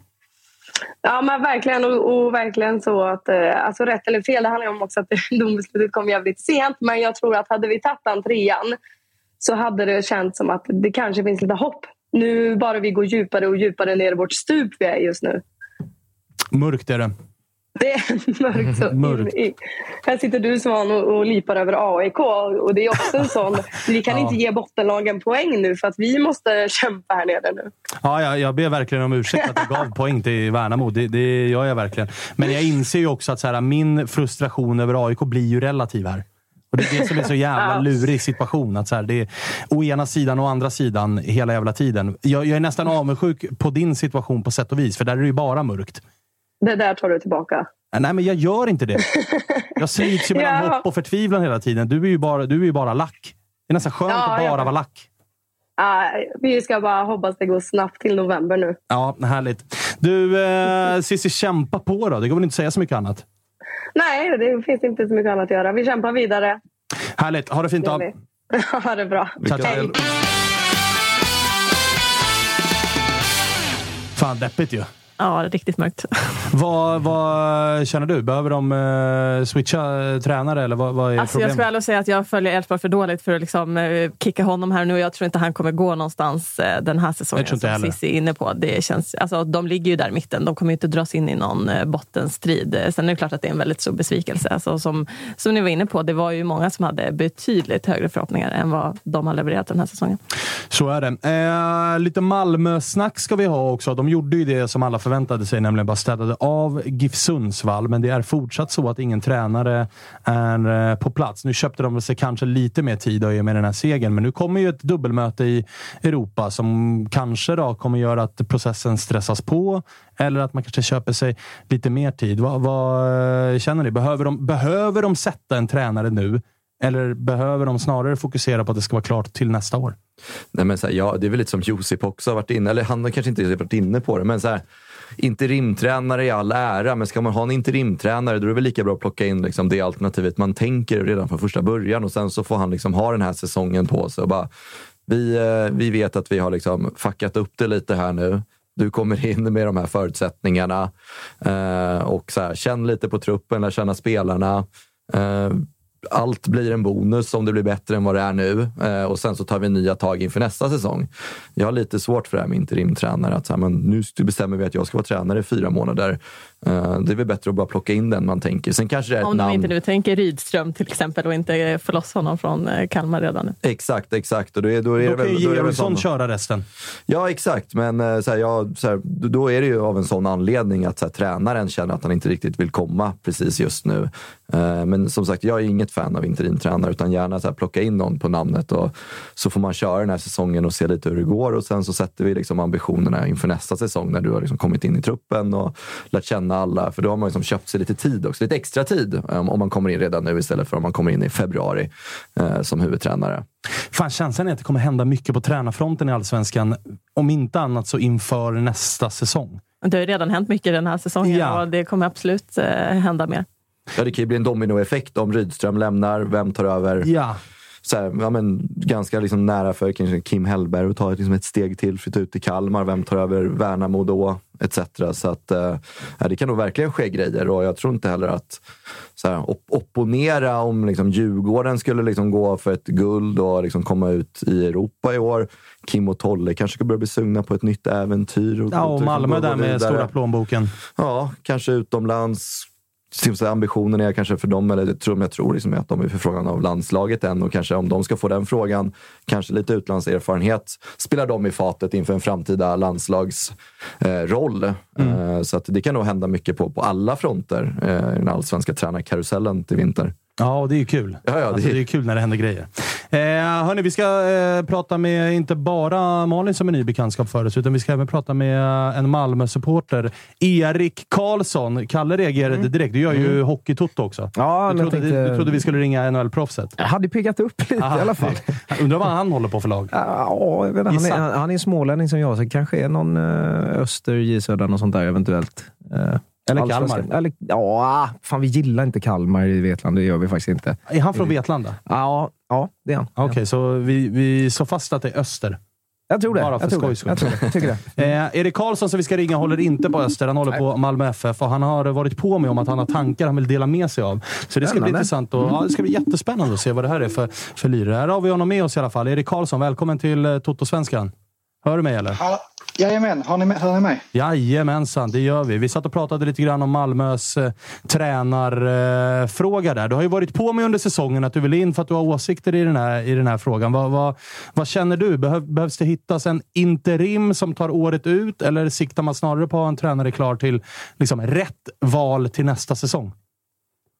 Jag tror man tittar eh, till nästa säsong. Eh, jag tror det hade varit skillnad om vi hade varit nere i botten och krigat. Då hade det nog varit mer desperation. Eh, så jag tror man tittar på en långsiktig lösning och jag tror inte man har bråttom heller. Eh, för Georgsson har ju elitlicensen för att träna så skulle vi inte hitta någon så tror jag väl att han, att han sitter hösten. Eh, och så får det väl gå lite som det går. Eh, så jag tror man tittar på en långsiktig lösning för nästa säsong också. Känner du dig trygg med att det är Georgsson? För jag menar, det är ju trots allt ett läge nu där vi har ett Europakval mot en motståndare som ändå får vara, anses vara relativt tuff. Ni har slagit ut bättre lag än så, men det är ändå ett lag från en bättre liga och med allt vad det innebär. Men jag menar, det är också ett läge där Häcken, Djurgården, Bayern eh, för all del gasar där uppe. Det, det, det finns ju en risk att man ger en ny tränare som ska komma i vinter ett Malmö FF som inte ska ut och spela i Europa?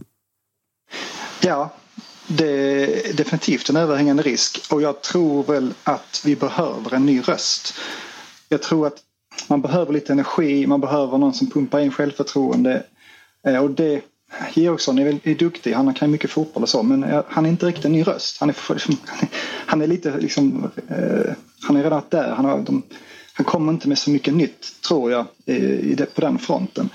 Utan vi är i ett liknande läge, om man bortser från tabelläget, så är vi i ett liknande läge som 2018 när Ove Rössle kom in. Och där var det väldigt tydligt, han kom in med liksom pondus, han kom in med hög energi, intensiteten gick upp på träningarna. Jag tror det är det som behövs eh, om man ska eh, maximera höstsäsongen med Europaspel och, och, och allsvenskan. Och sen är det dessutom ett väldigt tufft spelschema höst också. Med mycket matcher på kort tid. Eh, så jag tror det kommer bli tufft om man, om man, om man, om man, om man väljer att vara kvar med Georgsson. Då tror jag att det finns en överhängande risk att vi, vi hamnar utanför topp tre. Men du, eh, när du pratar om liksom pondus, energi, hög intensitet på träningen. Det känns ju som att det, det är ord som kan beskriva Milos Milojevic ganska bra och där gick det ju åt helvete. Ja, eh, jag tror... Jag tycker Milos fick ett lite av ett omöjligt uppdrag. Eh, han kom in i ett läge där vi hade haft eh, Jonald Thomasson med allt, allt vad han kommer med i stjärnstatus och, och pondus och självförtroende. Och efter de två säsongerna med dubbla SM-guld och sen Champions League. Det är rätt tufft att komma in och, och tro att man ska sätta ny prägel på ett sånt lag. Eh, så att, han, han var lite dömd på förhand tror jag. Så det var väl inte så förvånande att det blev som det blev. Delar du eh, Josips analys att så här, det snarare Alltså, han, han, har ju hela tiden han har ju försvarat eh, Milos och menat att det här säkerligen hade kunnat bli bra på sikt och hela den grejen. Han har ju snarare lagt skulden på många av de äldre spelarna som har upplevts eh, mätt han har pratat om ett splittrat omklädningsrum och att det är ja, men dysfunktionellt. Eh, en, en dysfunktionell spelartrupp där många är inte på, eh, på sin max. Det går ju, liksom, det går ju att lägga över att så här, det är Milos uppgift att se till att de är på max. Eh, men det kan också vara så att spelarna helt enkelt har slut i tanken för att spela för, för Malmö FF. Vilken utav dem... Är det så här, det är två tankar i huvudet samtidigt eller är du mer den ena sidan eller mer den andra sidan där? Det är väl lite både och. Jag tror ju att, att han har rätt i att, att spelartruppen har liksom haft en hög nivå under lång tid. De har varit, haft en stomme som har varit i princip intakt under hela den här, eller i alla fall andra delen av, av den framgångsperiod som vi har haft de senaste tio åren. Så att det är, det är klart att till slut så, så har man liksom vunnit allt. Man har spelat alla, alla matcher och någonstans så, så faller väl motivationen lite grann. Man taggar inte riktigt till på samma sätt Eh, som man kanske gjorde för två år sedan. Men så är det en generationsväxlingsfråga också. Att det, det, är många äldre spelare, det märktes inte minst i våras när det var otroligt mycket skador. Och, och det tror jag inte man riktigt hade räknat med att det skulle ske redan den här säsongen.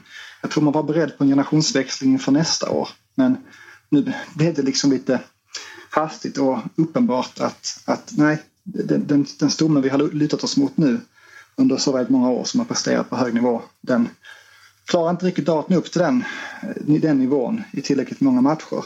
Eh, och då har man fått agera på det. Så, så Då, är också, då behöver man ju lägga det lite grann på... Då, då har ju Daniel Andersson, som har byggt truppen, analyserat truppen fel i och med att han har... Det är den truppen han har gett som ska göra det den här säsongen och om eh, fan nästan 50 procent av den är proppmättad, då, då eh, borde man ju agerat redan i vintras och sålt av ett par av de spelarna eller gjort sig av med dem på ett eller annat sätt. Ja, men det har man varit inne på också. Eh, det var en intervju som, som jag tror det var Sportbladet gjorde med, med Niklas Carlén och, och Daniel Andersson i dagarna. det var Josip som gjorde det. va? Det är svårt att veta exakt när en sån generationsväxling ska, ska ske. För det, det, det man, man kan nästan räkna med att gör man en stor generationsväxling så, så, så kan det bli lite av en mellansäsong. Det tar ett tag att jobba, jobba i ett nytt lag och så har man dessutom ny tränare på det. Så det är nog svårt att veta exakt när det ska ske men jag tycker ändå man visat under sommaren att man har förstått situationen. Att man vet om att okej okay, vi har ett problem här. Vi kommer behöva göra en generationsväxling nu. Då tar man in fem spelare. Eh, nu skadade sig Sevi tyvärr. Men, men, men ändå tycker jag man visar att det, det, är fem spelare tänkta för startelva mer eller mindre som man tar in. Så man har, man har liksom påbörjat generationsväxlingen och bygger på ett sätt nästa säsongs lag redan nu. Så det är klart att man, man, det, det vill, man, de är självkritiska såklart och, tror att, och tycker att eh, förstår att gjorde fel bedömning i våras. Men, men det är en svår bedömning att göra. Och jag tycker, jag tycker det är viktigt att man inser att man, att man har det problemet och så får man, får man liksom jobba efter, efter det. Och det tycker jag de ändå har gjort i sommar. Vad eh, tycker du att Malmö behöver göra här eh, framöver då för att eh, ta sig dit man vill och eh, bör vara med den plånbok som finns? Först och främst måste det in en tränare. Eh, jag tror ju att vi kommer se, se ungefär det här Malmö FF som har varit med, med en bra prestation och sen direkt efter en dålig prestation. Eh, om Georgsson fortsätter leda laget under hösten. Och då kan man ju, tappa, då kan man ju hamna utanför topp tre för det måste ändå vara det viktigaste. Nu är gruppspel åtminstone Conference League löst. Det är liksom en check och nu gäller det att lösa Europaspel till nästa säsong. För att ja, skydda rankingpoängen framför allt. Men, men det är också så att man har ju en man har en stor plånbok men man har också mycket höga kostnader så för att det ska gå runt så behöver man spela gruppspel ganska kontinuerligt. Så topp tre är ju liksom det är det som man måste sikta på just nu. nu. Nu får det vara fokus och då tror jag att man behöver en ny tränare som, som pumpar in lite självförtroende i det här laget. Ehm, jag tyckte väldigt tydligt i, i Luxemburg förra veckan. Det var ett nervöst lag som klev ut. Och det har varit så många matcher att när, när, när, när lagen pressar högt, eh, går gärna centralt när vi, när vi inte har en defensiv mittfältare. Då blir alla väldigt nervösa. Och det, då går det som det går. Eh, och då tror jag att man behöver en ny röst för att, för att få upp självförtroendet lite grann och sen förhoppningsvis den här nya Lomotey, det som, den som stänger till centralt. Då kan det bli bra, men jag, jag tror det behöver en ny röst. Men vad, vad, tror, vad tror du framåt då, liksom, gällande så här strategi för spelare? För det kom ju ut en ganska intressant lista, jag tror det var igår eller förrgår, där man har fått se liksom så hur mycket de allsvenska klubbarna spenderat på spelarkontrakt. Eh, och där är ju ni överlägsen etta med, liksom, ni har spenderat 170 miljoner eh, 2017 till 2021. Och sen kollar man liksom AIK, Hammarby, Norrköping, Elfsborg, Göteborg, Djurgården. Liksom, ligger mellan 40 och 60 miljoner. Och det är väl ett bevis på att så här, det handlar så mycket mer än att liksom köpa dyra spelare i allsvenskan, utan det handlar mer om annat. Skulle du liksom vilja se att Malmö kanske liksom ställer om siktet lite på liksom transfermarknaden och kanske liksom kikar lite mer, men som mitt kära Djurgården har gjort väldigt bra, liksom, man kikar lite mer på även, alltså, lokalt och utvecklar lite egna spelare. Nu har ni gått på liksom, lite tyngre namn från liksom, en helt annan hylla än vad vi andra kan kolla på, men men Å andra sidan, det syns ju inte sportsligt. I alla fall inte i år. Tidigare har det gjort det. Liksom. Det har kommit Champions League och allsvenskan har gått hyfsat bra, men någonstans har det tagit stopp. Ja, det är, väl, det är väl inte hela sanningen kanske. Alltså, tittar man på den perioden 2017 till 2021 så har det gått ganska bra. Det är rätt många, många mer miljoner än 171 som har ramlat in på kontot av sportsliga mm. Så, att, så att det, är svårt, det är svårt att säga att de, de, de pengarna har spenderats dåligt. Eh, och, och visar det sig att en, vår mellansäsong är en, är en tredjeplats och, och ett gruppspel i Europa, om det nu blir eh, Europa League eller Conference League, om det är vårt mellanår, en generationsväxling, så är det väl en, ganska, det är en rätt hög lägstanivå. Det får man säga. Och, och det, och det, och det, det, är en svår balansgång. För ska du släppa fram eh, unga spelare så måste du också vara beredd på att prestationerna kan variera. Det Malmö har, liksom, Malmö har ju velat vara dominanta eh, och, och ligga toppen i princip varje år och då behövs det en, en stomme av erfarna spelare och spelare som är närmare sin peak i karriären. Ska du spela in, spela, spela in unga spelare så måste du vara beredd på att det kan ta ett par säsonger innan, innan eh, de är redo. Eh, och frågan om det, är själv, om det eh, tålamodet finns, både i klubben men också, men också oss runt omkring. Kan vi, kan vi acceptera två mellansäsonger där vi hamnar femma och nia för att vi ska sälja spelare? Eh, det finns ju, liksom, det finns ju en uttalad målsättning att vi ska ta upp egna talanger men, men det kan inte gå före de sportsliga resultaten. Och då behöver man, man behöver en stomme och då tycker jag att vi har agerat. Vi har köpt in, liksom, tagit in spelare som är lite yngre men som är tänkt att vara här länge. Alltså, Zidane är 24. Det är klart han kan ha säkert drömmar men det är ju liksom inte en spelare som, som man vet om att om en säsong så säljs han för en massa miljoner sen så får vi leta upp en ny. Och likadant med, med, med Ceesay och, och Lomotey och Buya Turay är ju ännu äldre. Så, alltså, det, det är spelare som är tänkta att de ska vara här i tre, fyra säsonger och leverera på hög nivå. Och det är det, jag tror det man behöver om man ska vara, om man ska vara konsekvent i sina prestationer. Och, och, och, alltså, inte för att vara så, men de flesta andra alltså, klubbarna kan ju liksom ta en mellansäsong, komma och det blir, liksom, det blir inte ett ramaskri. Alltså, här ligger vi tre poäng från, från, från, från serieledning och det skriks om att tränaren ska få sparken. Det, det är liksom en kravställning som är rätt svår att få ihop med en ambition om att det ska spelas in en massa unga spelare. Så, och, och sen finns det ju inget liksom, egenvärde att det ska säljas. Alltså det, det, det finns ju en, en idé om att det ska ha en lokal förankring såklart. Eh, med, med spelare från, från Malmö och Skåne. Men om vi tjänar våra pengar på, på Europagruppspelare eller om vi tjänar dem på att sälja spelare, det är ju inte lika viktigt. Utan för mig ska vi vinna allsvenska varje år. Då behöver man spendera mycket pengar. Man behöver spelare som är, är, är i sin bästa ålder för att kunna hålla eh, prestationerna högre över tid. Vad, eh, har du något tränarnamn då som du drömmer om eller som du ser det rimligt? Det pratas ju om liksom Brännan, det pratas om Rydström.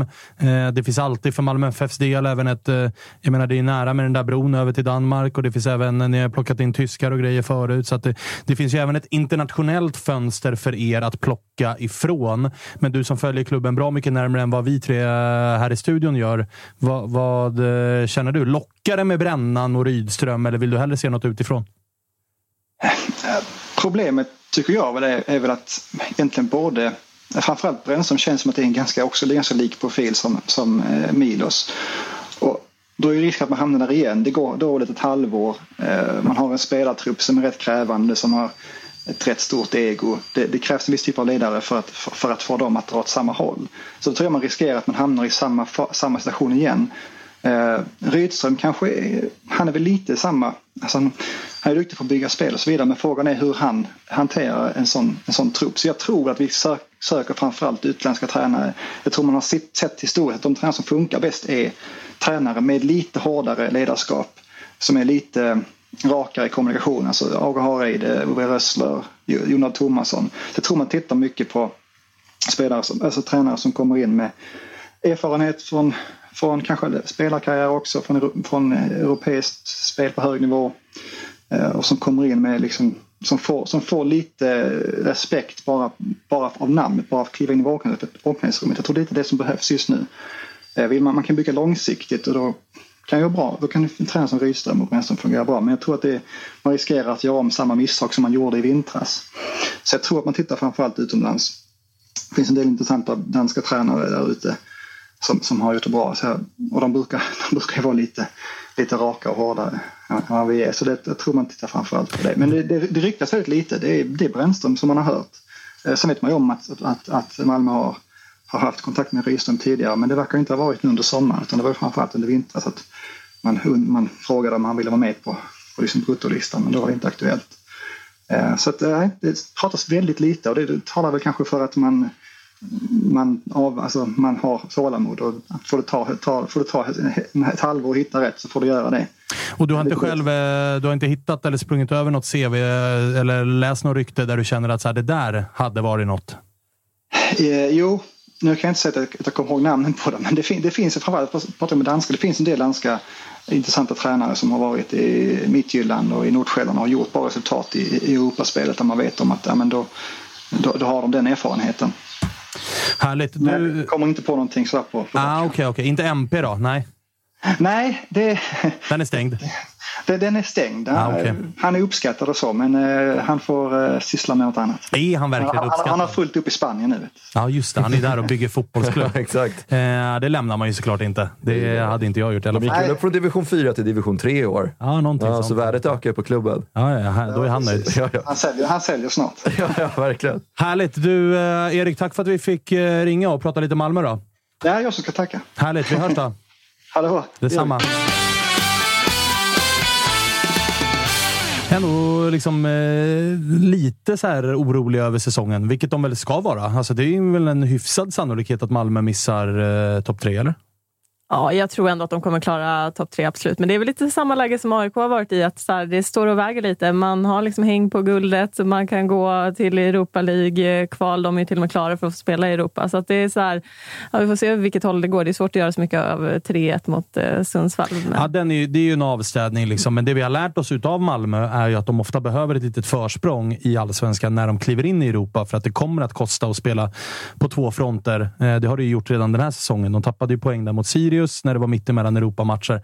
Och de är ju än så länge det enda laget som också ska spela eh, åtminstone sex matcher till utöver de här två eh, playoff-matcherna. Så det är åtta matcher till plus de här, vad är det kvar i serien? 12 eller vad fan det är. Mm. Så att jag menar, Malmö har 20 matcher kvar. Eh, Bayern har bara eh, 12 matcher kvar. Eh, häcken lika så. det är väl en fördel för dem då att eh, om Djurgården och AIK båda också går in i Ja, Europaspelet. verkligen. Så att, eh, Verkligen, verkligen. Och, och så här, bredden finns ju inte i Malmö. Och det är väl lite så här, det... Alltså den finns, men de är ju proppmätta. Ja, och så här, det var lite det jag ville komma in på. Liksom, man nämner de där 170 miljonerna. Att det ska inte vara något problem ändå så här, leverera ut i Europa. Nu åker de ut mot Saligris. De funkar inte riktigt i allsvenskan. Och det är kanske inte där de ska hamna när man har spenderat så pass mycket pengar. Och de har ju varit dominanta i liksom, hur lång tid som helst. Och det är klart att det kommer komma mellansäsonger då man liksom, saker och ting inte funkar. Men jag tycker det är märkligt att man hamnar där när man ändå har den enorma spänden om man jämför liksom, med övriga lag i allsvenskan. Och, så här, Alltså att, ens, att det ens är en diskussion huruvida Malmö kan missa topp tre är ju ett underbetyg som är ganska stort med tanke på det ekonomiska försprånget de har i serien. Ja, ja exakt. Och det, är så här, det, det, det, det, det, det man älskar med allsvenskan, att det är så. Att, så här, det är inte självklart att bara för att du har över en halv miljard på banken eh, övriga lag kanske ligger på hundra eller vad de nu har. Malmö har säkert mycket mer pengar. Eh, att, här, man går inte bara in och liksom städar av allsvenskan för det, för det handlar om så mycket annat också. Och det är därför vi älskar våran serie. Eh, och det är därför roligt att sitta och dissekera Malmö. För att i en annan serie kanske det är ett lag som vinner allsvenskan 20 år i rad. Inga har chansen, men så är det inte i allsvenskan. Och så kommer det inte bli på ett tag heller. Så det är roligt också att vi har de diskussionerna kring Malmö som är ett lag som ska vara mycket högre. liksom ekonomiskt borde det vara ett Bayern München som vinner liksom 19 av 20, men så, så uh, funkar det inte. Hörni, härligt. Det, det är fina slutord av dig Freddy. Jag kände att det är ingen idé att fortsätta där. Nej, du exakt. avslutade så jävla bra med hur mycket vi tycker om våra fina allsvenskan. Eh, Så att vi nöjer väl oss eh, där. Malin, tack för att du kom hit. Tack själv. Jävligt roligt. Freddy, eh, tack som vanligt. Mm, fina måndagstraditionen har vi tagit tag i nu Ja, också. den har vi tagit tag i. Det börjar ju bli slut på semestertider. Eh, alltså det är, Tapper ska ju hem igen och Jocke, han har väl varit ute med den där jävla båten nu i, i 10 000 veckor. Kalle, det, det är bara du och jag som, vi, vi tar knappt någon semester. Vi, nej, vi håller oss här. Vi håller Ja, oss här. Mm. hårt arbetande människor är du och jag. Ja, det får man liksom, fan. Arbetsmoralen är på topp. Det ska vi ha. Det ska vi Vad är det som händer på onsdag egentligen? När Nej, men Jocke ska ta på, över här? då? På onsdag så har jag, ins ja, men jag har inskolning. Ja, det är så? Ja, visst. Vet du. Ska vara på förskolan en hel dag. Ja, ja. Sitta i sandlådan och, och hålla på och, och greja. Vet du. Så att det, det ska man ha respekt för. Så att jag är på någon förskola med mina två döttrar. Jocke Mm, kommer hit och rattar, så får vi väl se vad han har med sig för, för uppställning. Han får nog välja. Eventuellt kommer han inte vilja ha en Hammarbyare här, med tanke på, ja, beroende på resultat. Då. Ja. Eller så vill han det. Ja, antingen, verkligen antingen eller där tror jag. Mm. Spännande blir det. Det här var i alla fall Toto-svenskans måndagsavsnitt. Vi är tillbaka igen på onsdag. 14.00 är det som gäller. Live på YouTube. Ni hör oss som podd på Spotify och överallt där man lyssnar på poddar. Och följer oss på sociala medier och allt det där. Det där kan ni vid det här laget. Vi hörs. Hej! Tack.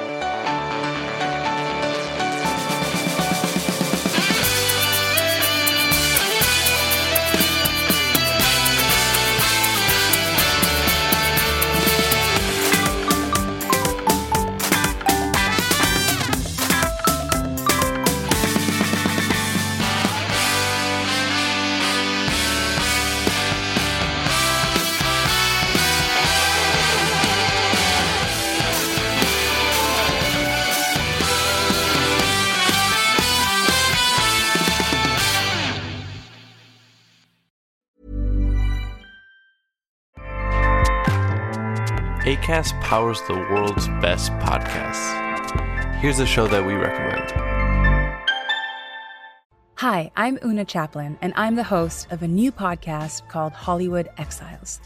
It tells the story of how my grandfather, Charlie Chaplin, and many others were caught up in a campaign to root out communism in Hollywood. It's a story of glamour and scandal and political intrigue and a battle for the soul of a nation. Hollywood Exiles from CBC Podcasts and the BBC World Service. Find it wherever you get your podcasts. ACAST helps creators launch, grow, and monetize their podcasts everywhere. ACAST.com.